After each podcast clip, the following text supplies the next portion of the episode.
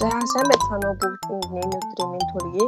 Энэ 7 хоногийн маань шинэ дугаар ороход бэлэн боллоо. За энэ удаагийн дугаарт маань зочин урагдсан байгаа. Зочноо танилцуулцгаая. Сайн байцгаана уу? Э намайг их хотхон гэдэг.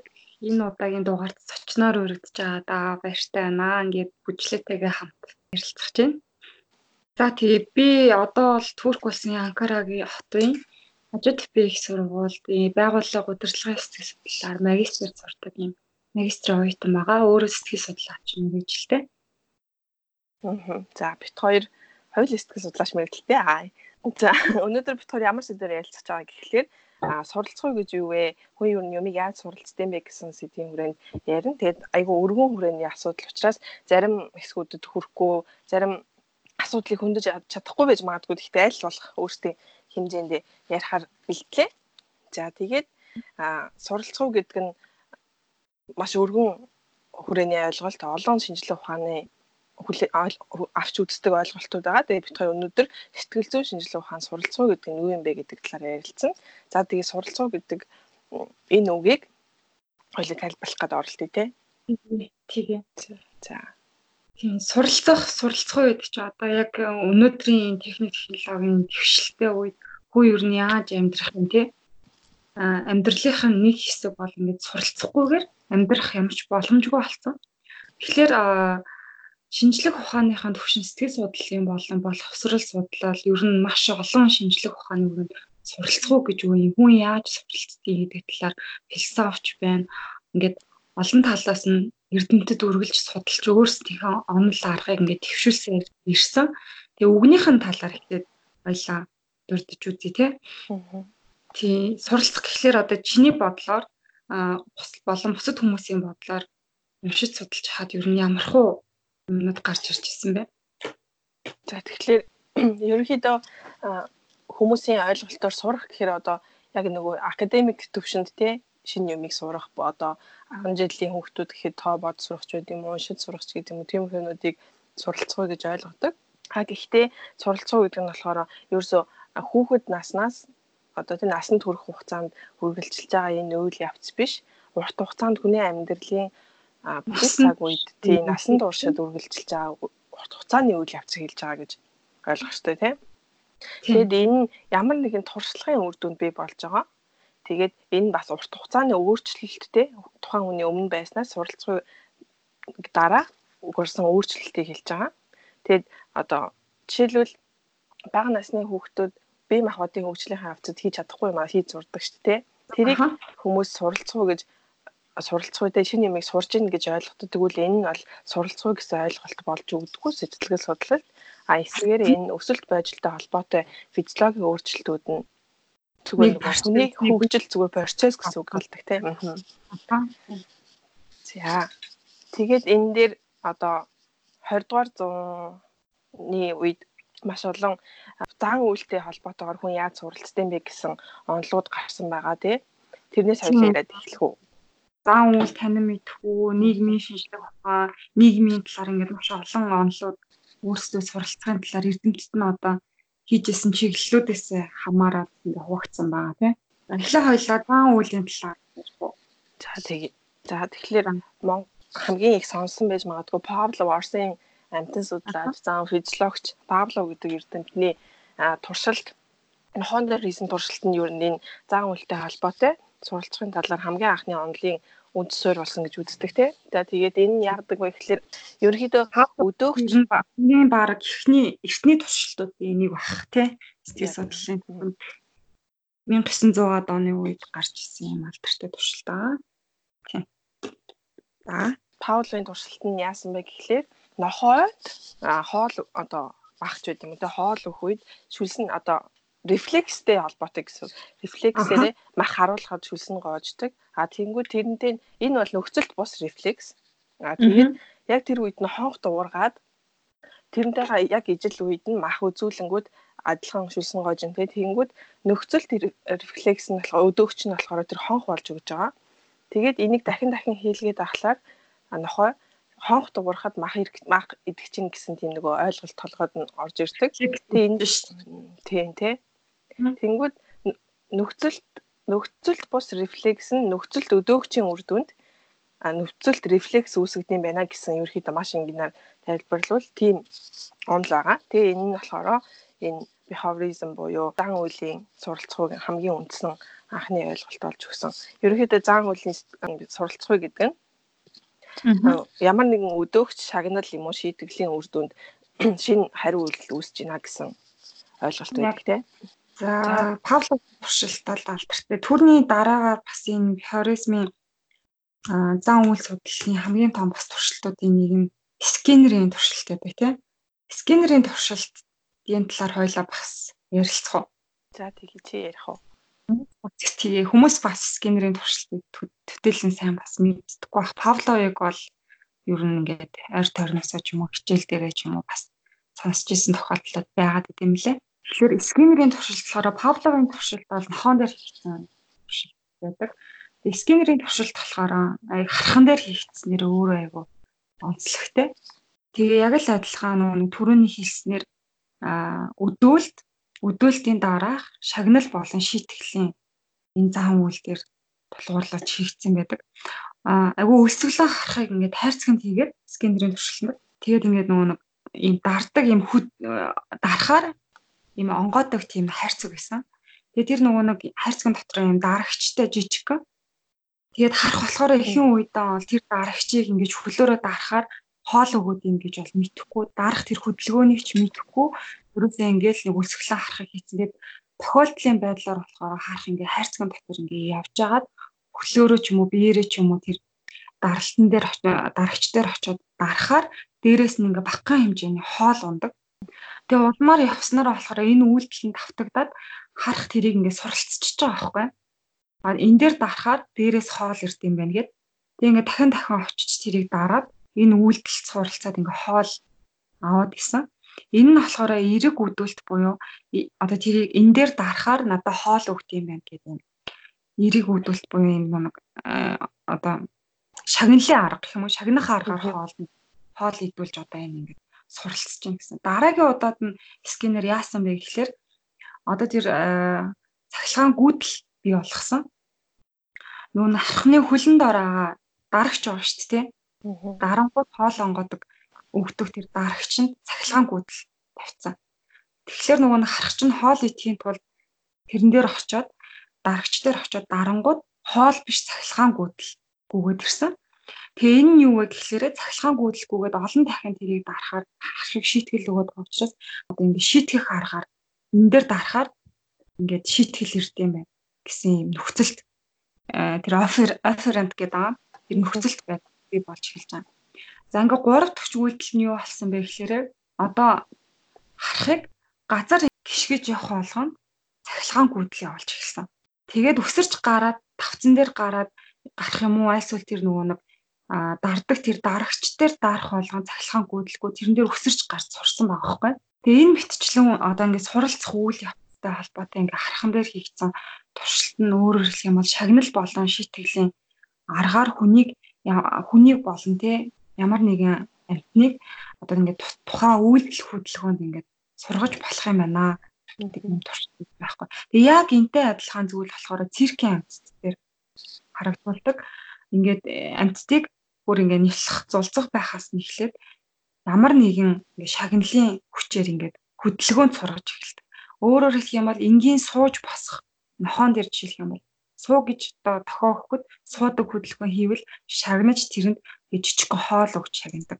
Тэг үүдл үйлдэл болгоныг шагнасаар адил тэр нохоо юу вэ гэхээр механизмаар суух хөдөлгөөн сурдаг хөвтөг хөдөлгөөн одоо суулсны дараа хөвтөг хөдөлгөөн тэрний дараа өнхрөх хөдөлгөөн гэд үйлдэл болгоныг ингэж шагнаж эхэлдэг.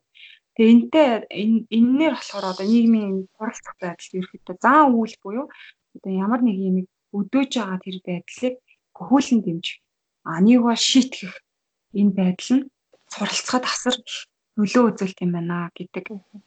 Энийг төвшүүлснээрээ төвшүүлээд одоо энэ судалгааг хийснээрээ энэ туршилт нэвга алдартай. Тэгээд скэнер чи өөрөө нөгөө нэг юм одоо шагнал шийтгэлийн туршилтанд айгу улаараад бас өөрийнхөө үр хөвгөд охин дээрээ ч хүртэл ингээд туршилт хийжсэн гэдэг. Одоо сэтгэл судлалын хувьд бол ёс зүйн тэр нөгөө нэг хим хэмжээрийг зурцсан тийм тохиолдод хүртэл гаргаж ирсэн юм билэ. Яг юунуудыг нь уншаад үзэхээр тэгэд энийг болохоор хүний суралцах байдалтай яаж холбож эхэлсэн бэ гэхэлэр тэгээд нэг би бас нэг сонирхолтой жишээ дурт хулгай хийх гэдэг зан үйлэд тэ. Хулгай. Хулгай хийх зан үйлэн дээр болохоор одоо ингээд хулгайч болсон. Хулгай хийгээд ингээд амьдралаа залбуулдаг гэдэг юм уу. Хулгай хийх тэр нь аажмаар ингээд олон жилийн турш явсаар агаад амьдралынх нь сашгүй хэсэг болсон. Ийм хүмүүсийн одоо гимт хэрэг үлдээд хулгай хийгээд баригдсан, татад баригдсан хүмүүс тэр хийсэн судалгаа байд юм байна. Аа. Тэр судалгаан дээр сэтгэл судлаач судлаад үзсэн чинь ерөөсөө ганцхан асуулт асуусан. Тэр нь юу вэ гэхээр та анх хулгай хийхдээ баригдсан уу баригдаагүй юу? Одоо хин нэгэнд мэдгдсэн үү мэдэгдээгүй юу? гэдэг л асуулт асуусан байгаа байхгүй. А гэтэл одоо дийлэнх хулгайчдын а 80 10-ны хэдэн хувь нь за 100-ны 80 орчим хувь нь анх хулгай огт баригдаагүй хүмүүс байгаа байхгүй. Өөрөөр хэлэх юм бол анх удаа хүний имийг хэлэхгүйгээр авд юм уу? Ямар нэгэн имийг ингээд эзэнт нь хэлэхгүйгээр авсан тохиолдол нь ингээд баригдаагүй тэр одоо хулгай хийх үйлдэл буюу тэр өдөлтийг сэтээгээд нэг бодлын шагнал болсон гэж хэлдэг байхгүй. Одоо энэ зан үйл судлаач, сэтгэл судлаачдын тайлбараар хүн яагаад хулгайч болдог вэ? Гэвэл анхныхаа нүүлтэл нь баригдаагүй тохиолдол тэр нь болохоор ингээд шагнал болсон. Би ингээ үнгүүгээр айгүй хэлбэрхнаар энэ ямиг ингээд аваад иж болох юм байна. Ингээд олон дахин тэр үйлдэлээ тавтах нэг юм шагнал авдаг. А харин эсэргээрээ анхны үйлдэл буюу тэр анх хулгай хийж эхэлж явах үед анх удаа хулгай хийхдээ тэрийг баригдаад баригдана гэдэг маань юу вэ гэхээр шийтгэл аавн тий. Шийтгэл аваад шийтгэсэн байх юм бол а тэр хулгай хийх одоо тэр ирээдүйд хулгай хийх байдлыг бол ингээд 100-ны 80%-аар бууруулна гэж үзсэн. Тэгэхээр шийтгүүл шийтгэлээд ингээ буруу зан үйлийг шийтгэх юм бол тэр нь ингээ буруу зан үйл буруу туршилт ингээ одоо ингээ сургах сурахгүй ээ. Одоо би багасгах нөө скинерийн онлоор бол анхны хүүтэнд ингээд цагшгаан гүйдэл дамжуулттай адилхан шийтгэлээний хэлбэрийг одоо тэр авах юм бол тэр зан сурахгүй жоохгүй. А эсвэргээрээ тэр буруу өдөөлт тэр хулгайг одоо ингээд баригдаагүй гэдэг бол нэг бодлороо тэрийг ингээд дэмжсэн одоо ингээд шагнал юм аа. Тэгээд энэ болохоор ингээд савлаад цаашаа ингээд юм үргэлжлүүлээ явсан бахныг. Одоо хүүхдийг нөө гэр цэвэрлүүл сургах дээр хүртэл адилхан шүү дээ. Чи гэр цэвэрлэх юм бол ээж нь чамд тийм юм уу? Ингээд эсэргээрээ ингээд эмийг ингэж зөв хийж байгаа одоо үйлдэл болгоных нь арт ингээд ямар нэгэн байдлаар шагнал өгöd тахаар хүүхдийн одоо бие физиолог болон тарих тархинд болохоор тэр нь эерэг өдөлт бий болгоод дараа нь хүн одоо амтнаас ялгаатай нь юу вэ гэхлээр тэр шагналтай шагналгүйгээр тэр гэр цэвэрлэх үйлдэлээд юм уу хичээл хийх үйлдэлээд юм уу тэр нь өөрөө хүнд ингээд эерэг сэтэлжүүл эерэг тийм суралцсан бие байдлыг нөлөөллийг одоо бий болгох юм байна.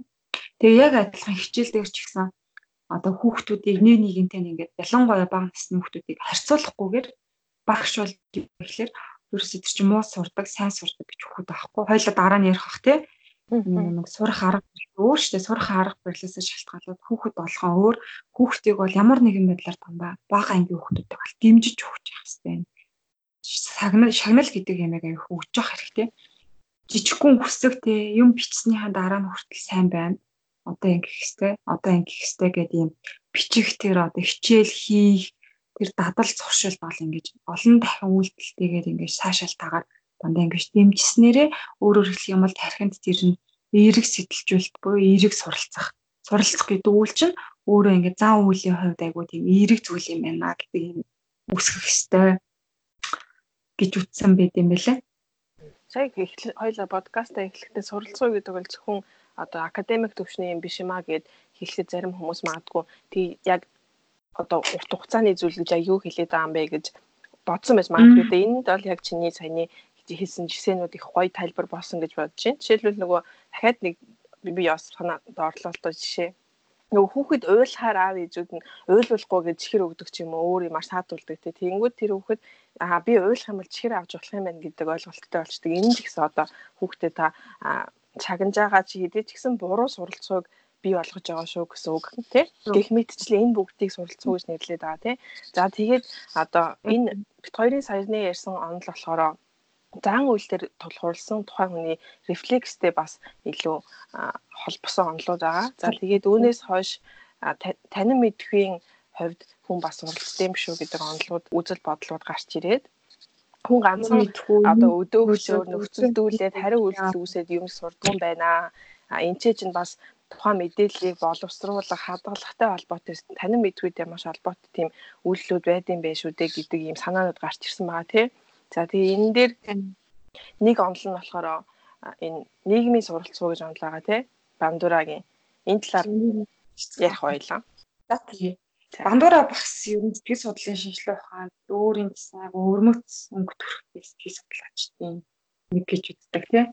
20 дугаар зууны хамгийн нөлөө бүх сэтгэл зүйчдийн нэг яасан байлээ. Өөрийнхөө бас нөгөө нэг онол туршилтууд нь ч гэсэн өрмөц Бандурагийн бас нэг сонирхолтой туршилт гэдэг. Тэр нь болохоор хүүхэд хүчирхийлэлт хэрхэн суралцдаг вэ гэдэг туршилт. Нэг одлын бас нөгөө нэг зарим сэтгэл судлаачид, ерөн сэтгэл судлаачдын хувьд энэ Бандурагийн туршилтыг бас аягүй шүүмжилдэг. Яагаад шүүмжилдэг вэ гэхэлэр энэ бол бага насны хүүхдэдтэй хитрхи юм харгас хэрцгий юм үзүүлсэн хитрхи харгас зан үйлд ингэж сургах гэсэн одоо ийм бага насны өөрийгөө одоо хямдах боломжгүй өөрийн гэсэн бие хүний төлөвшлөн тогтоогүй хүүхдүүд дээр одоо ингэж хийгдсэн юу бодлын яс зүггүй э, туршилт гэж хэлдэг. А гэхдээ нөгөө бодлын бас бандуурагийн туршилтыг бүхий л орны хэсгийг судлаачаад бас ингээд өнөөдөр э, өөрсдийнхөө онол арга зөө хичээл дээрээ ч гэсэн ингээд ашигладаг тий. Тэг хүн юу маш хэрэгэлдэг тий. Маш хэрэгэлдэг. Ингэж хүмжлүүлдэг ч гэсэн. Тэгэхээр бандуура энэ туршилтын талаар би жоохон дэлгэрэнгүй ярьчихсан тий. Тэгээ. За. Тэгээ бандуурагийн туршилт болохоор яасан бэ гэхээр а бандуура 3-аас 6 насны эрэгтэй эмэгтэй нэг 30 гаруй нас 30 гаруй ингээ хоёр бүлэг хүүхдүүд нийлээд нэг 60 гаруй хүүхд юм уу тэр судалгаагаа явуулсан өөрийнхөө туршилтаа явуулсан. Гэхдээ бандуура болохоор бобо гэд бобо доолын туршилт гэдэг. Бобо гэдэг хүүхэлтийг хоёр бүлэг хүүхдээ нэг нь бол туршилтын бүлэг нэг нь болохоор яг тэр нэг судалгаанд хамрагдаж байгаа ажиглаж байгаа бүлэг тий тэрэн дээр ингэж хийсэн Тэгээд хүүхдүүдэд болохоор яасан бэ гэхээр эхлээд нэг өрөөнд дотор байгаа бобо нэртэй хүүхэлтэй нэг бичлэг үзүүлсэн. За эхний бүлгийн хүүхдүүдэд ямар бичлэг үзүүлсэн бэ гэхээр тухайн бобо хүүхэлтэй дээр ингээ өрөөнд байгаа хүүхэлтэй том хүн тэр хүүхэлтийг зодж байгаа, өшгөлж байгаа, янз бүрийн элдв хараалаар тэр хүүхэлтийг харааж байгаа тийм нэг хэд орчим минутын бичлэг, бага минутын бичлэг үзүүлсэн. А хоёр дахь бүлгийн хүүхдүүдэд яасан бэ гэхээр насанд хүрсэн хүн бобо хүүхэлтэйтэй тэр өрөөнд ороод өхөөрдөж байгаа, ийлж байгаа, айгүй тийм нэг сайхан гоё хөөхөн гэсэн магтж байгаа, сайшаалыг өгүүлж байгаа тийм бичлэг үзүүлсэн. Тэгээд э, Бандуурагийн өөрийнх нь таамаглал нь юу байсан бэ гэхээр нэгдүгээр бүлгийн хүүхдүүд буюу хүчирхийллийг харж байгаа бобо хүүхэлтэйг нэг бодож байгаа хүний бичлэгийг үтсэн хүүхдүүд яг адилхан тэр үйлдэлийг давтна гэж хамгаалсан. А хоёрдугаарт нь эрэгтэй хүүхдүүд эмэгтэй хүүхдүүдээс илүү одоо тэр хүчирхийлэлт зан үйлийг гаргах те тэр хүүхэлтэйг зодох тэр үйлдэлийг давтах магадлал илүү өндөрөө гэж утсан. Тэгээ энэ судалгааны дараа бол яг энэ Бандурагийн төвшүүлсэн санаанууд таамаглалтууд бүгд батлагдсан. Өөрөөр хэлэх юм бол нэгдүгээр бүлгийн тэр хүүхдийг хүүхэлдээ зодож хүчирхийлж байгаа бичлэгийг үзсэн хүүхдүүд хүүхдүүдийг дараа нэг нэгээр нь бобо хүүхэлдээтэй өрөөнд оруулаад төр хугацаанд үлдээгээд бичлэгийг харахад яг адилхан үйлдэл хийжсэн. Тэр хүүхэлдийг зодж исэн, хөшгөлж исэн, зулгааж исэн, зарим хүүхдүүд бол хацж исэн. Тэгээ хэл яраагаар ингэ доромжилж исэн. А гэтэл хоёрдугаар бүлгийн хүүхдүүд буюу тэр хүүхэлтэйг ингээд ийлж байгаа, хайрлж байгаа, юм ихрэлж байгаа бичлэг үүссэн хүүхдүүд бол ерөөсөө тэр хүүхэлтэйд бол хүчирхийлэл үлдэх ямар нэгэн тийм үйлдэл гаргаагүй байсан. Тэгээд эсрэгээ бас энэ дээр бас нэг гарсан судалгааныхаа сонирхолтой зүйл нэг юм бол эрэгтэй хүүхдүүд тэр хүүхэлтэйг зодож, хөшгөлж, хазаж дээрээ дээр нь гарч ингэж дэвсэх үйлдэлийг үйлдэл гаргаж юм хүчирхийлэл үйлдэлүүд хийж исэн бол эмэгтэй хүүхдүүд нисэргээрээ илүү хил яриагаар дарамжилчихсан. Одоо ингээд элдв хүүхд төрлийн хараал хилэх, тэр хүүхэлтэйг заанах, гараараа жичих тийм хөдөлгөөнүүдийг хийж исэн. Аа ингэснээрээ бандуураа яхалахаараа яг нийгмийн суралцсан юм юу гэхээр хүүхэд яг харж байгаа юм суралцдаг юм байна. Ялангуяа 3-аас 6 насны хүүхэд бол хүүхдийн тэр вербал төвшин хөгжиж идэг харааны тий тэр суралцах төвшин хөгжиж идэг. Тийм болохоор хүүхэд яг нийгэмдээ гэр бүлтэй юу харан ямар хүмүүжил харан эцэг эхийн харилцаанд тэр хүүхдийг одоо ингээд ямар байна яг тэрийг ингэж дуурайгаад хүүхэд тэр зан үйл тэр харилцаа тэр хүч ирхийлэл те ингээд даган батан дүүрээд юм байна. Хүүхэд бол энэ нийгэм гэр бүл орчноосаа ингэж суралцдаг юм байна гэж гаргасан тий энэ сураг туршилт нь бол ингэж хийгдсэн байна. Тэгээд Альберт Бандурагийн туршилт нь ерөөдөө танин мэдхүйтэй холбоотой гэсэн онол дээр тулгуурлаж байгаа тий. Тэгээд энэ дээр сая отгоогийн маань хэлсэн. Хүнийг хараад дуурайж ин гэдэг нь болохоор ерөөдөө өөрөөр бас нөгөө нийгмийн гэхээс гадна модель суралцах гэж хэлдэг те. Тэгэхээр тэр модель нь бас олон янз байдаг гэж үзсэн байгаа те. Яг амьд модель байх уу те. Яг хүнийг хараад жишээл аав ээж хийж байгаа үйлдэлийг хараад дуурайж гин үү. Эсвэл одоо сонссон зүйлээ дуурайж гин үү эсвэл утгын хувьд дуурайж гинүүч гэдэг юм тий. Тиймэрхүү төрлийн ангиллууд бас байгаад байгаа. Ерөнхийдөө энэ бандурагийн онолоос юуг ойлгож болох вэ гэх юм бол хүн ерөнхийдөө ганцхан одоо өдөөгчийн нөхцөл зүйлэлт өдөөгч гадны хүчин зүйлээс гадна өөрөө танин мэдхэн хувьд бусдыг ажиглаад түүнийхээ үр дүнд суралцах боломжтой юм аа суралцдаг юм аа гэдэг. Тэгээд тэрнээс гадна тухайн хүний суралцагчийн сэтгцийн эрүүл мэндийн байдал нь бас энэ ч чухал үүрэгтэй гэсэн санаа гаргаж ирсэн байдаг тийм. Тэгээд ямар нэг юм сурлаа гэдэг нь зөвхөн зан хуулийн өөрчлөлт гэсэн үг биш гэсэн санаа бас байгаа. Жишээлбэл саяны туршилтан дээр яг дөөрийгаад хүн зодж байна. Тэгээ Google-тэйг зодж байна гэдэг бол ингээ зан үйлт нь өөрчлөлт орсон байгаа мó гүм үү гэдгийг бас хэлж мэдэхгүй яагаад гэхээр тухайн мэдээллийг олж авсан тэнцээс танин мэдхүйн хувьд тэр үйлдэлийг хараад тий дөөрийн гэсэн нэг үйлдэл тий Тэгээд догон дуурайхаас гадна тэр нь үнэхээр суралцсан босноо үгүй юу гэдэг нь бас чухал шүү гэсэн санаагаад байгаад байдаг тий. Нийгмийн суралцгыг хараад суралцах юм байдаг. А гэхдээ хүн болгон юм бүрийг хараад сурдаг үгүй юу гэдэг дээр бас нэг юм санаа амлалын хувьд юм байгаад байгаа. А тухайн зүйлийг тий модельоос харсан зүйлээ тухайн үед анхаарч ирсэн үгүй юу гэдэг нь чухал байдаг гинэ. А түүний дараагаар тухайн мэдээллийг одоо үйл явцыг харсан байлаа тэрийг дахин сэргээж хийхин тулд хадгалж боловсруулж чадж гин үү. Тэгээд түүнийгээ дуурайх, дуурай үйлдэх сэтэл тий шагнал шийтгэл гэхээсээ илүү тэр хүн үйлдэлийг дахин давтах сэтэл байна уугүй гэдэг дээр маш их ач холбогдол өгсөн онол юм байна. Хүмүүс тэгдэг штэ. Хүүхд бол яг аав ээж ха тойл байдгаа гэж хэлээд байдаг аав ээжийнхаа хөлбөр нэгдэг тий. Орж ирсэн. Яг энэ үг бол ерөөсөө шинжлэх ухаанаараа батлагдсан. Энэ Станфорд их сургуулийн сэтгэл судлаач 20 дугаар зууны хамгийн бүхий сэтгэл судлаачийн энэ онолоор батлагддаг тий. Судалгаан дээр тулгуурсан ойлголт юм шүү гэж хэлье. Эсвэл одоо гэр бүлийн орчин эцэг эхийн харилцаа бол тэр хүүхдийн шууд нөлөөлөл үзүүлж байгаа орчин шүү дээ тий. Тэгэхээр эцэг эхийн харилцаа бол гэр бүлийн орчин ямар байна? Тэрнээс шалтгаалаад яг тэрийг хүүхэд сая бүжлэг хэлсэн шиг ингээд толны тусгал шиг ингээд тусгаж яадаг. За тэгээд өшөө ер нь хүний суралцуу гэдэг чинь ганцхан одоо рефлекстэй холбоотой те би рефлекстэй холбоотой юм байдаг юм уу? А тэгээд хараад дуурайдаг юм байдаг юм уу гэдгээс гадна бас ур чадварын авьяас чадварын суралцуу гэж бас байдаг те. Энэ нь болохоор хамгийн ойлгоход амар бидний амьдралын өдөр тутамд гардаг зүйлстэй хамгийн ойрхон байдаг. Жишээлбэл нөгөө бид нар яаж дугуй унц сурдаг вэ гэх юм уу? Хөгжинд төгөлдөр хуурдааж тоглож сурдаг уу? Яаж гитар тоглож сурдаг уу гэдэгтэй холбоотой энэ суралцсан онл идэг. За тэгээд энэ талаар ярих уу? Алгасах уу? Тэгээ энэ талаар бас нөгөө хүмүүс ингээд авьяас чадрын суралцгоо гэж сонсохоор бас их гайхчихж магадгүй. Нэр нь ч гэсэн одоо энэ өрмөц захиалж магадгүй. Энэ дээр бас би ч гэсэн бага хэмжээгээр илүү ингээ бас сонсомоор санагдаж байна.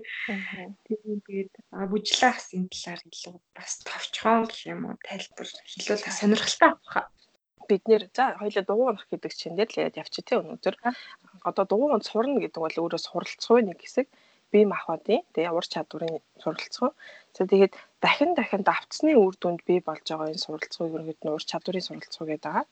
Энэ яадаг гэхэлэр агуулгын хувьд яаж дугуй онд сурах вэ гэдэг талаар л ингээд хоёул яг жишээн дээр дурдаад явчихвал жишээлбэл тухайн давталтыг ямар хэмжээтэйгээр хийх вэ гэдгээс хамаарат суралцсан үр дүн нөр байдаг. Нэг доор одоо маш дугуун дээрээ суугаад жийд сурах уу, эсвэл дугуун дээр эхлээд нь тогтод сурах уу, өрүүлээд яаж сурах уу гэдэг ч юм уу тий. Бүгдээр ингэ төвлөрсөн байдлаар нэг суралцах уу, эсвэл тус тусад нь авч суралцах уу. За энэ дугуун дээр жоохон хэцүү байж магадгүй. Жишээлбэл усан цэлхээд гэхдээ тэнгууд усан цэлж сурахын тулд эхлээд нь хамгийн ихэнд нь а мэлхий эсэлэлтэй гэдэг ч юм уу тийм мэлхий эсэлэлтэй сууд сурчгүй эхлээд нь хавтан гартаа бариад хөлөө хөдлөж сурдаг тий дараа нь гараа дараа нь амьсгалаа зохицуул сурдаг ч гэх мэтчлэн. Тэгээд ямар төрлийн суралцгуу байна гэдгээс хамаарат ямар хэлбэрээр суралцах гэдгүүд нь өөр өөр байдаг. За тэгээ ерөнхийд нь онлайн хувьд авч үзэх юм бол нэг дор бүгдийг хийх биш баг зай аваад тий энийг нь өнөөдөр гараа сурсан бол амраад маргааш хөлөөж гэдэг юм уу тий. А тэгтээ хоёрхан үеийн дотор сурцсан гэж байхгүй. Ерөнхийд нь хугацаатай дунд нь амралт оруулж өгөх юм бол ур чадварын хувьд илүү үр дүнтэй байдаг юм байна л та. За тэгээд энэ нөгөө ур чадварын суралцахууд хамгийн чухал нэг үйлдэл нь болохоор асуудал нь болохоор түрүүний нийгмийн суралцгуутай нэлээд төстэй модель хэрэгтэй байдаг. Өөрөөр хэлбэл тухайн суралцгуутай холбоотой өөрт нь зааварчилгаа өгөх хүн нэг өндөө багш хэрэгтэй байдаг. Хичнээн өөрөө нүдэд нүдэд амжилтанд хүрэхгүй бол өөрт нь тэрийг зааварчилгаа өгөх хүн байж ч илүү бусцад суралцаагаас ялгаатай байгаагаар илүү үр дүнд хүрэх магадлал нь өндөр байдаг. За тэгээд энэ дээр тодорхой хэмжээнд суралцсан үйл явцынх нь үр дүн нь тий айгу өсч явдаг. А тэгснэ тодорхой төвшин түрээд одоо ингээд моригаар үзэх юм бол өсөөд нэг хэвэнд ороод дахиад өсдөг юм морой гарч ирдэг. Энэ яадаг гэхээр тодорхой хэмжээнд 0-оос сэгэлж байгаа үед өндөр хэмжээнд үр дүн чи өсөөд суралцгуу чинь сайн авж агаад тэгээд дахиад ахихгүйгээр нэг хэмжээнд орчдөг. Тэр үед нь хүмүүс аягүй шантардаг юм байна л та. За за би одоо энэнээс илүү цааш явахгүй юм байна. Би энэс илүү сурч чадахгүй юм байна гэдэг юм уу те. Тэгэх юм бол энэ бол ерөөс яг эрүүл үзэгдэл гэх юм уу те. Зөв байх ёстой үзэгдэл. Тодорхой хэмжээнд ахиж агаад тэгээд тодорхой хэмжээнд гэж байна. Тийм. Одоо яг энэ үе дээр бол бодож ахна шүү дээ. Миний энэ бол ерөөсөө онлын хувьд суралцахын морийг гэж нэрлэдэг. Тэгээд тодорхой хэмжээнд дахиж дэвшил гараад тэгээд тодорхой хэмжээнд тодорхой хугацаанд өөрчлөлтгүй үе байдаг. А тэгээд тэр үеийн дараа дахиад хүн дэвшилдэг ч үгүй юм тий. Тэг яг хэл сурах гэдэг бол яг уур чадварын суралцахад оруулж үзье гэж бодох юм бол жишээлбэл хүмүүс шинээр хэл сурч байхад эхэндээ нөгөө бүх юмыг мэдэхгүй учраас ингээл бүгдийг сураал тий. Үсгээж ээжлээл бүх юм гоё явж нэг хэмжээнд хүрсэн. За би энэс цааш миний хэл сайжрахгүй байна ч гэдэг юм уу тийм санагдахгүй байдаг шүү дээ. Тэр жишээлбэл нэг өөрчлөлтгүй суралцсан морой гарч зүгээр энэ бол байдаг зүйл байгаа байхгүй юу? бол хүн болгон хэл сурна хэл яаж сурах вэ гэдэг асуудлуудыг хэлээр ашигладаг тий. Зарим хүмүүс одоо ингээл яг нөгөө нэг чиний ярьж ирснийг сонсохоор хүмүүс яг хүмүүсийн асуудаг хүмүүсийн ярьдаг ингээл яг асуултуудын яг ингээ хариулт нь яваад байгаа байхгүй тий. Таашаа одоо миний юм хүчтэй. Эсвэл би яг энэс нь шуугасаа би сурч чадахгүй мэн гэд ингээ боддөө штэ хүмүүс чинь. Тэгэхээр аль хэл сурах байд юм уу ямар нэг юм ур чадвартай холбоотой шинэ юм хийж байгаа тохиолдолд тэр үе чинь ч гэсэн та ингээ суралц суралцж байгаа нэг процесстэй үйл явц та тэрийг ингээ суралцж байна л гэсэн үг юм ба штэ. Яг байна. Яг байна. Тэр үеийнхаа яг ингээ даваад тэгээ таны хүсэлт нь дараа нь ингэж гарч ирдэг байх юм шүү дээ. Тэгээд энэ өөрчлөлт өөрчлөлт үүсэх үе өнгөрсний дараа та дахиж дээжлэнэ. Таны амжилт чинь өснө. Тийм болохоор энэ үеийг гоё даваан туулах хэрэгтэй шүү гэж. Тэ? Яг зөв. За. За энэ ур чадрын суралцах гэдэг нь иймэрхүү юм байдаг юм байна. Ур чадрын суралцахуу дээр нэг юм энэ бол ерөөсө богино хугацаанд явагддаг. Хүн усанд шууд сэлцэхгүй нэг удаа яваад дугуйныг удаа оноод шууд чадахгүй хөлийг нэг өдөр юм уу нэг сар үзээд шууд чадахгүй энэ бол нөгөө төрөний бит хоёрын хэлсэн шиг суралцах уу гэдэг бол өөрөө насан туршийн одоо хүний урт хугацааны үйл явц байдаг. Тэгээ адилханаар эдгээр олуур чадварын суралцгаанууд бол илүү урт хугацаанд явагддаг, урт хугацаанд болдог дэгддэг суралцдаг юм үйл явц байгаа гэдгийг бас хүмүүс хэрэгтэй баг. Тэгэхээр та нэг тийм суралцагчл байвал цаг хугацаа тэр хөдөлмөр гэдэг юмыг бол зайлшгүй гаргаж иж энийг бол суралцах хэрэгтэй. гэж хэлэх бах тий. Яг үн. Тэгээд энэ дээр ур чадварын суралцгууд дээр ролик унаад сурцсан хүн тий тэшүүрээр гуулахад амархан байдаг ч юм уу. Нэг сурсан юм чинь дараагийн юмд чинь илүү дэм болж идэг. Эсвэргээрээ нэг сурсан юм чинь нөгөө ямиг сурахад төвөг болдог ч юм уу. Тиймэрхүү тохиолдлууд бас байдаг. Саяны юун дээр хэлэхэд ер нь юмыг сурна гэдэг бол урт хугацааны үйл явц учраас заримдаа хүн шантрах сэтгэл санаагаар унахгүй байдаг. Тэгэхээр энэ чинь бол сэтгэлийн хэнхээ гэдэг юм бас маш чухал болно. Хүний оюун ухааны чадвартай суралцах ямар холбоотой юм бол гэдэг талаар чи нэг тайлбарлаж өгөөч. За тий оюун ухааны чадвар гэхэлэр нэг IQ гэдэг ойлголттой бол ингээд хүмүүсийн мэддгээр бол шууд холбогдно. Гэхдээ сүүлийн үед IQ гэхээсээ илүү нөгөө нэг сургалтын арга барил, сурах арга барил гэдэг юм илүү тогтоодог болчих. Одоо ингээд нэлээд хэдэн жилийн өмнө ингээд аа бодсон жишээ баг бага ангуудын жишээн дээр харахаар энэ хүүхэд энэ хүүхдээс арай хурдан сурдаг тий. Тэгснээр хурдан сурдаг байснаар энэ болохоор ингээд юмд одоо энэ IQ-гийн хөгжил бол муутай хүүхэд гэд ингээ багш нар бол айгүй тавьдаг байсан. А эсвэл энэ хүүхэд математиктай сайн учраас энэ хүүхэд бол ингээд IQ өндөртэй ч юм уу гэж тавьдаг байсан. Гэтэл IQ буюу хүний оюун ухаан гэд ер нь хүний бүхэл бүтнээр нь авч үзэл оюун ухаан гэдэг ойлголт ч өөрөө бас л айгүй том өргөн цаар хүрээ. Тэгээд дасан зохицож байгаа байдлыг бол оюун ухаан гэж авч үзээд байгаа тий. Тэгээ одоо өөрөөр яг ингээд ганцхан IQ гэдэг ийм хэмжүүрийг оюун ухааны хэмжүүр гэж авч үзгээ болсон. Нөгөө multiple intelligence гэдэг олон тал оюун ухаан гэдгийг авч үзсэн. За жишээлх юм бол нэг жишээн дээр дуртай л та. Нэг ийм 6 настай хүүхэд 10 жилийн сургуульд оржээ. Тэгсэн чинь тухайн хүүхэд мань үсгээ сурч чадахгүйсэн юм байна л да. Багш шууд самбар дээрээ бичин, номон дээрээ уншуулна тий. Тэгээд ингээ нүдээр нь харуулна, давтан бичүүлнэ. Тэрс үсгээ тогтоодгүй. Тэгээд э, тэр хүүхэд 3 дугаар анги хүртэл явж л те. 3 дугаар анги хүрсэн чинь бас адилхан үсгээ тогтоодгүй, юм уншиж чаддаггүй. Тэгээд э, сургууль захиргаа олон багш нар нь юу гэж хэлсэн бэ гэхлээр энэ хүүхэд бол ингээд суралцах чадваргүй өөрөөр хэлэх юм бол аюун оюун ухааны төвшин бол ингээд дундаж хүүхдүүдээс хамаагүй бага хүүхд байна гэж эцэг ихтэн хэлчихлээ. Тэгээд тэр тухайн охин болохоор өөрөө ингээд аа бүжиглэх сонирхолтой аюу тийм хөдөлгөөн туртай хөхөд исэн юм байна. Тэгээд эцэг ихийн ингээд ийм багш нар хайсаар хагаад яваад үтсэн чинь нэг багш тэр хүүхдийг нь хараадсэн чинь их хөдөлгөөн их туртай хөхөд гэсэн болохоор ингээд өсгөнүүдийг нь хөдөлгөөнөөр нь дамжуулаад ингээд зааж өгсөн байна л та. Чи одоо ингээ аа өсөх гэхлээр ямар хөдөлгөөн их үү гэдэг байдлаар төсөөлүүлээд зааж өгсөн. Тэгээ энтэй холбоотой яагаад энэ юг ярих болсон мэхлээр тухайн хүүхдийн IQ-гийн үзүүлэлт бол хэвэн байсан. А эсвэргээрээ тухайн хүүхдээ юу нь хэвэн бас байсан бэ гэхлээр тухайн хүүхэд болохоор юмыг үйлдэл хөдөлгөөнөөр суралцдаг хүүхэд байсан аахгүй. Тэр ингээ шин юм суралцах тэр хүүхдээ арга барил нь юу вэ гэхлээр харж юмыг харж биш, юмыг сонсож биш, юмыг бичиж биш тэр хүүхэд ингээд хөдөлгөөн хийж сурдаг юм одоо дийлэн хүүхдүүдийг бодвол арай цөөн хүүхдүүдэд байгаад идэг тэр хөдөлгөөнөөр сурдаг тийм хүүхэд байсан. Ингэснээр харин ч эсэргээрээ тэр хүүхдийн хөдөлгөөн буюу хөдөлгөөний оюун ухаан буюу хөдөлгөөний тэр интеллиженс айгүй өндөр гарсан. Тэгээд угаасаа multiple intelligence чинь айгүй олон төрлийн intelligence-уд байгаа шүү дээ. Оюун ухааны үзүүлэлтүүд байгаа. Аа. Суралцах арга барил олон энэ олон талт оюун ухаан зүйл гэж юм байт юм байна гэдэг юм бол энийг судалж одоо ингээ гаргаж том судалгаа олж өгсөн юм билээ. Howard Gardner гэдэг эрдэмтний юу шүү дээ. Боловсрал тэгээд сэтгэл судлалын суралцгуу гэдэг салбаруудад маш их нөлөө үзүүлсэн эрдэмтэн тий. Тэгээд энэ дээр сая чи хөдөлгөөний төвтэй гэдэг юм лээ. Ерөнхийдөө 8 төрөл байдсан байна гэж үзсэн. Тэрний нэг нь болохоор энэ хөдөлгөөний физикал идэвхтэй байдлаар суралцах тий. Хөдөлгөөнөөс илүү таашаал авч тэнчнээсээ суралцдаг гэсэн юм байгаа.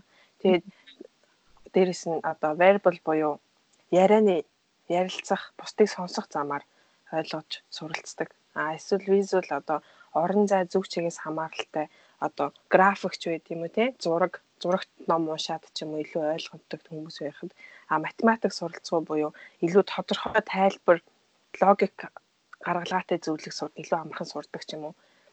А эсвэл дуу чимээгээр те одоо дуу сонсоод илүү сэтгэл хөдлөлттэй байвал илүү хурдан суралцдаг хүмүүс гэх мэтчлэн байгаад байгаа тий. Чиний хувьд ямар байдлаар илүү юм сураад ах шиг байдаг байна. Би өөр нэг айгуу сонсож сурдаг. Одоо энэ нөгөө суртах хараа барилгын тестүүд өөрөө байдаг. 10 жилийн хүүхдүүд олон одоо ингээд хүүхдүүд дээр хийгддэг тестүүд байдаг. Тэрэн дээр би бас хичээл дээр өөрөө энийг яг хийж үзчихсэн өөртөө энэ тестийг тестлээд. Тэгэхэд бол миний хараа болон сонсгол бусдаас арай өндөр үзүүлэлт гарч исэн. Өөрөөр хэлэх юм бол би харж юмыг айгүй ажиглах дуртай юм байна. Ажиглаж ойлгодог. Дээрээс нь бас би ингээд сонсож айгу мэдээллийг хүлээж авт юм байна гэдэг гарч ирчихсэн. Эсвэргээрээ яг одоо энэ саяны ярьсан охин шиг хөдөлгөөн хийдэг юм уу? Эсвэл нэг юм уу олон дахин давтаж бичдэг юм уу те? Эннээсээ илүү юмыг хүнээр яриулдаг ч юм уу? Эсвэл одоо энэ байгаа зүйлийг нь яг нүдээр харт юм уу? Тэгжээж би бол илүү сайн сурдаг. Юм байлээ. Хүмүүсийн суралцсан чадвар гэдэг бол тухайн хүний IQ-гаас илүү ямар төрлийн суралцагч юмыг яаж сурдаг вэ гэдгээс илүү хамаард юм байна. А тэгээд хүн болгон жишээлбэл юмыг хараад сайн сурдаг байдгүй. Ямарваа нэг юм шинээр сурахын тулд танд аль нь аль мэдрэмж нь илүү аль төрлийнх нь загвар нь танд илүү тохирчин гэдгийг мэдээд авчвал тухайн хүн юмыг сурахад шинэ зүйлийг хүлээж авахд илүү амар байд юм биш үү гэдгийг юмчтэнтэй хоёлаа хэлээ те. Тэг хүүхэд бүхэн бол ингээд тавтагдчихгүй, хүн бүхэн бол тавтагдчихгүй тэгээд өөр өөр ингэсэн тэр онцлогтой байгаа. Яг тэр онцлогоо өөрөө бас зөв тодорхойлж тэгээд хараахан тодорхойлж чадаагүй гэдэм үү эсвэл хүүхдүүдийнхээ тодорхойлуулгыг өсөж ивэл одоо эстгэл судлаач нарт бас хандах хэрэгтэй тий туршилт байсан тэрийг санаад саналаа тэрийг хэлье. Нөгөө 50 хүн 50 гаруй хүн нэг туршилтанд оруулаад цагаан винон дотор нөгөө улаан өнгө оруулагч хийцээд уулгасан юм л та. Тэгээд энэ ямар ямар вино байна гэж сусан чинь цагаан вино мөртлөө хүмүүс улаан вино гэж нэрлэж ирсэн гинэ. Тэгээ энэ юу илэрхийлж байгаа гэхээр хүмүүс нөгөө харааны мэдрэмжээрээ мэдээллийн 50% нь орчмыг авчдаг тий тархинд тэнгүүд үнэхээр цагаан вино байх чинь улаан гэж хүлээж байгаа нь яг энэ харааны мэдрэмжтэй холбоотой байдаг. За тийм болохоор хүмүүс одоо жишээлбэл шинэ зүйлийг сурахад тийм ээ би харааны мэдрэмж маань илүү соргог юм байна гэж бодож байгаа тохиолдолд флаш карт тий одоо шинэ үг сурлаа гэхэд томьёо сурлаа гэдэг ч юм уу тий тэр бүрийгээ флаш картн дээр буулгаад тэгээд өөрөө тэр мэдсэн сурсан юм а бичиж буулгах ч байд юм уу өнгөөр ялгадаг ч байд юм уу тэр нь илүү үр ашигтай суралцгой арга болдог гинэ. Энэ туршилтын үр дүнгээс харахад. За тэгээд энэ дээр бас одоо сургалцгүй гэдэг юм дээр яриад явхлаар мэдээж бидний физиологийн хувьд тарих тий мэдрэлийн систем невросистем гэдэг бол маш үүрэг гүйцэтгэж байгаа тий. Тэгэд энэ дээр гоё яг ямар учиртай юм гэдэг үдээсэн чинь нэг тайлбар өгөөч. Тий, сүүлийн үед чинь нейросэтгий судлал, нейросайенс гэдэг одоо нэг тархитай холбоотой, тархи мэдрэлээстэй холбоотой судалгаанууд бас айгүй хийгдэж байгаа. Тэгээ хүний биеийн хамгийн бага судлагдсан өнөөдрийн хүртэл ганцхан хэсэг бол тархи гэдэг бас үздэг. Одоо болтол яг тархин дотор хідэн одоо ширхэг хідэн сая хідэн тэрэлэн мэдрэлийн эс одоо судлаачид янз бүрийн тоо хайлдагч болж яг нарийн гаргаж ирж судалж чадаагүй байна. Тэгээд суралцах гэдэг бол яг нөгөө нэг нейро шинжилгээ ухааны үүднээс бол мэдрэлийн эсүүдийн хоорондын холбоос үсгэж байгаа, холбоос үсгэж мэдээлэл дамжуулж байгаа л нэг процесс тийм ээ. Тийм. Тэгээд э, түрүүний нөгөө multiple intelligence гэдэг ч гэсэн яг энэ э, нейросэтгий судлал, нейросайенсаас бас ингэж үүдэж гарсан.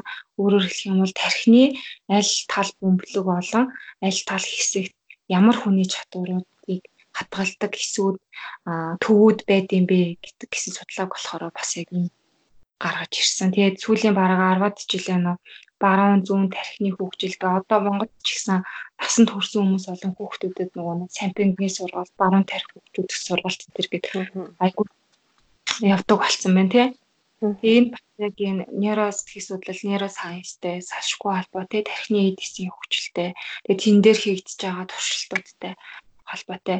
Өөрөөр хэлэх юм бол гурван хэлсэн нөгөө нэг юмыг хөдөлж хөдөлгөөнөөр илүү их юм сурдаг, тий үйлдэлээр илүү их юм сурдаг хүмүүсийн бол баруун тархины хөгжил илүү давмгай байдаг буюу баруун тархинд тархинд байгаа тэр мэдрэлийн эсүүдийн мэдээлэл дамжуулж одоо ингэж мэдээлэл дамжуулах төвийн үйл ажиллагаа нь илүү өрчмтэй байна гэж үзээд байгаа. Одоо сонсож, бичиж яаж байгаа одоо энэ академик төвшөнд илүү математикийн одоо түрүүн хэлсэн тийм математикийн ур чадвар энэ ур чадварууд нь логиктэй сэтгэх, математикийн ур чадвар, эмийг эмих цэгц дараалалтай байх чадваруудыг бол зүүн тарих өөрөө хариуцдаг зүүн тарихын дагаа мэдрэлийн эдгэсүүд болон түүний дамжуулж байгаа төвүүд илүү идэвхтэй хариуцдаг юм байна гэдгийг одоо ингээд судалгаануудаар баталсан байдаг. Тэгээд одоо хүн төрөлхтөн чинь дийлэнхтэй одоо хүн яг тэр нарийн судалгааг нь бол мэдэхгүй байна. Нийт хүний одоо дунджаар хэдэн хувь нь баруун гараа ашиглаж бичдэг тий. Толгой хүмүүсээс бол баруун гараа ашигладаг хүмүүс 50гүй илүү бол байгаа. Тэгээ баруун гараа одоо ашиглаж байгаа хүмүүсийн бол зүүн тарих нь илүү их хөгжөөд байна. Зүүн гараа ашиглаж байгаа хүмүүсийн баруун тарих нь илүү хөгжөөд байна гэл одоо яг тэр нэг тарихтай хийсэн судалгаатай холбоотой бас айгүй олон тийм юмнууд гардаг болсон. Гэхдээ э, бас нэг өрөөс хэл юм байна уу гэж би бас хараад байгаа. Тэр нь юу вэ гэхлээр одоо сүүлийн үед баруун тарихаа илүү хөгжүүлцгээе баруун тархил бол одоо ингээд аюу чухал юм байсан юм байна гэдэг ингээд яриад байгаа. Гэтэл бол тарих бол эцсийн бүлэгтээ бол тарих зүүнч бай баруунч бай. Одоо бид нар бол хүүхдүүдийнхаа болон насанд хүрсэн хүмүүс ч гэсэн хоёр тархиа хоёулангийн хөгжүүлж хоёр талынхаа үйл явцыг бол ингэж талаа хамгаалж явах хэрэгтэй. Тэгээ баруун тарих бол илүү хүний нөгөө нэг чөлөө сэтгэлгээ, юм бүтээл сэтгэлгээг хадгалдаг ч гэсэн зүүн тарих бол хүнийг цэгцтэй, зөв логиктэй амьдрах тэр суралцах тэр ямиг хадгалж идэг. Тэгээ хоёулаа л айгүй хэрэгтэй. нийлээд нэг юм болж байгаа шүү гэдгийг л ойлгосон гэсэн үг тий. Тийм болохоор ингээд ямар нэгэн хэтэрхий автаж тий. Аа. нэр томьёо шин санаа юм үгэнд битгий хатаарэ гэж бас хэлмээр байна. Үнэхээр хөгжүүлэх байгаа л нас тус бүртээ одоо ингээ хүүхдийн бас суралцах мэдээлэл хүлээн авах чадварууд ч өөр байх ш тийм насан турш хүмүүс Тэгэхээр яг тэр онцлогтой тохируулж авах хэрэгтэй. За тэгээд би түрүүн чиний хэлсэн санаан дээр нэг юм хэлье гэж бодож байгаад орхиод явцсан байна. Нөгөө хүнээс заалгах ч юм уу хүнд заалгуул илүү сайн сурдаг сурдаг юм шиг надад санагддаг гэж түрүү хэлсэн шүү дээ. Хойл Ховардын онлын ярьж хахад. Тэгэхээр энэ ч бас нэг юм судалгаа уншиж исэн санаанд ороод хүмүүст одоо хүүхдүүдэд хоёр бүлэг болгож байгаагаад нэг хэсэгт нь шалгалт авах болохоор хичээлээ бэлдээрэй гэж хэлээд нөгөө хэсэгт нь болохоор чи ангийнхаа найзтай хамт суудаг найзтай чи энэ хичээлийг тайлбарлаж өгөх ёстой шүү гэж хэлээд тэгээд бэлдүүлсний дараа шалгалт авсан юм байна л да. Тэгсэн чинь үр дүн нь ямар гарсан бэ гэхлээр шалгалт нь бэлдээрэй гэж хэлсэн хүүхдүүдээс илүү чи найзтай тайлбарлаж өгөх ёстой шүү гэж хэлсэн хүүхдүүд нь илүү сайн гүйцэтгэлтэй хийж исэн гинэ. Ч юг харж болох вэ гэхлээр хүн бусдад зааж өгнө, бусдад тайлбарлаж өгнө гэж бодсон тохиолдолд илүү сайн юмыг суралцдаг гүнзгий хүлээж авт юм байна гэдэг тийм ойлголтыг гаргаж ирсэн байна л та. Тэгэхээр заавал жишээлбэл онлайн ч үгүй юм уу математик гадаад хэлж биш хөдөлгөөний юм байсан ч гэсэндээ биеийн тамирын хичээл байлаа гэхээс сакс тоглохыг зааж өгөхөд байдаг ч юм уу. Ямарваа нэгэн ямиг чи бусдад зааж өгч байгаа шүү гэж өөрөө бодоод сурах юм бол илүү үр дүнтэй байдаг юм байна наадах чинь ч гэсэн сайн нөгөө ярьсан мэдрэлийн нейро шинжилгээ ухааны бас яг нэг юм тийм. Өөрөөр хэлбэл ямиг сурна гэдэг нь мэдрэлийн нэг одоо хэсэг хэсүүдийн өдөөлт сэтэл болж өгч байгаа тий. А гэтэл үүн дээр нэмээд дахиад нэг тохиол зочрол өгж байгаа нь юу вэ? Чи дахиад өөр хүнд зааж өгөн буюу олон сэтэл одол олон тохиол зочролыг тархинд төгснөөрөө хүн бас тэр ямиг илүү гүн одоо ингээ бат бөх сурах нэг арга болж байна тий. Яг үнэ нөгөө төрөөнийхөө аюутай ингээ холбоотой. Ерөнхийдөө суралцах гэдэг бол ганцхан одоо рефлекстэй холбоотой гэдэг холбоотой зүйл биш. Бас нөгөө энэ тархитай холбоотой. Тархи чинь өөрөө бас нөгөө маш их хэмжээний энерги зарцуулж идэг. Хамгийн ядардаг тийм ээ. Тэгээд тархи нойр авахгүй бол болохгүй. Тэгээд нойргүй хичээллэх те нойр нойр авсны дараа хичээллэх хүртэл хоёр маш өөр байдаг шүү гэдгийг бас хүмүүст хэлхий гэж бодлоо. Тэгэхээр амралтаа зөв зохицуулах хэрэгтэй. Сурлах юм бас нэг чухал үндэс нь бол амралтай байдаг. Ер нь аа тэгээ яг амралт гэсэн чинь бас нэг юм санаа бодлоо. Одоо нөгөө тухайн хүний ажиллах бүтээмж гэж яддаг шүү дээ. Өөрөөр хэлэх юм бол хүн болгоны одоо тарих болон одоо ингээд бусад физиологийн үйл ажиллагаанаас шалтгаалаад өглөө илүү юмыг хурдан сурдаг өдөр юмыг илүү хурдан сурдаг альсвал юм эцснийхаа дараа сурдаг альсвал юм эцснийхаа дараа залахгүй болчдөг альсвал ойрон цагаар илүү хүн идэвхтэй ажилдаг тий. Тийм бас зүйлсүүд байдаг. Тэгээ энэ нь болохоор хүн болгоных бол өөр байдаг. Зарим хүмүүс юу гэж судлаа хэлээд идэв гэхээр өглөө хэртэж болох хэрэгтэй гэдэг. А гэтэл зарим хүний тарих мэдрэл физиологийн тогтолцоогоор болохоор тэр хүний онцлог нь ингээ орой ажиллах юм бол их өндөр дэмжтэй ажилтдаг юм хүмүүс байдаг. Тэр хүмүүс ч өглөө бас гэж өвлгөө өгөөдөө л энэ бол өглөө суралцах чадвар нь бол бууруулж өгчдөг. Энэ талаар нойр хүн болгоны найр нойр адилхан уу гэд подкастын дугаар орсон байгаа. Тэрийг хүмүүс үзээд би аль төрлийн нойр нойр авах хэрэгтэй хүн юм бэ гэдгээ мэдсэж мэдэж болно шүү гэдгийг давхар хэлье. Аа за. өөр багш хүний суралцах цагууд тий. За ингээд өнөөдрийн бит хоёрын суралцгаатай холбоотой дугаар маань үгээр өндөрлж байна. Өнөөдөр бит хоёр суралцгаа ямар онлоод байдیں۔ Хүн юмыг яаж суралцдیں۔ Боловсрал тий суралцгаа гэдэг чинь юугаараа ялгаатай юм гэдэг талаар за тэгээд суралцахад хүн болгон адилхан байдгүй өөр өөр юм гэсэн арга барил байдаг гэдэг талаар мөн дээрэс нь одоо нейросайенстэй холбоотой хүн яаж юмыг суралцдаг вэ гэсэн сэдвүүдийг хөндөж ярихыг оролдлоо. За манай зочны зүгээс сонсогчтой хэлэх зүйл байвал нэмээд хоёлаа ангир өнөөдрийнхаа дугаарыг өндөрлөе. За тэгээ суралц гэдэг бол түрүүн бит хоёр олон дахин давтаж хэлсэн. Тэгээ яг давтаж ирээгаа яг давтаж хэлье гэж бодож байна. Богино хугацааны юм уу төр зургийн юм бол суралцах биш үү. Хүний бүхэл амьдралын турш болж идэг энэ бол ингээд процесс гэдэг. Тэгээ та ямар нэгэн юм шинээр суралцах гэж байгаа бол тэр нь тодорхой цаг хугацаа, энэ хүч хөдөлмөр ингээд зүйлс зайлшгүй шаардлагатай байдгийн шүү гээ бит хоёрын бас түрүүн ярьсан суралцах мөрөө байна тий. Тэгээ суралцах арга барил байна, суралцах цагууд байна. Эдгээр бол яг эцсийн үр дүндээ юу хэлэх гээд байгаа вэ гэхлээр тодорхой хэмжээнд хүмүүсийн нийтлэг судалгаа байдаг ч гэсэн энэ хүм болгоных ингээд өөр байдаг шүү. Та тэр өөрийнхөө өрмөц онцлог, өөрийнхөө тэр юмнуудыг бас их мэдэж ойлгоод тэгээ тэрийг энэ суралцах үйлдлийн хоц болон ажил амьдралдаа ингээд зохицуулбал илүү амжилттай байх болох байх баха гэж бас би бодож байна. За баярлалаа. Энэ удаагийн маань зочноор урагдаад тэгээд хүлээг зөвшөөрөөд хамт ярилцсанд маш их баярлалаа. Бас намаагүй ураад тэгээ энэ энэ сэдвэр ингээд ярилцъя гэж санал тавьсан бас маш их баярлалаа. Миний хувьд их сонирхолтой байлаа. Мэдээж хэрэг энэ том өргөн асуудалтай асуудлыг хамарсан суралцах гэдэг бүхэл бүтэн юм том зүйлийн талаар нэг хэсэгч болтгой. Жохон ч ихсэн мэдээлэл өгсөн гэдэгтээ хэлтэй байна тий. Тийм маш гоё.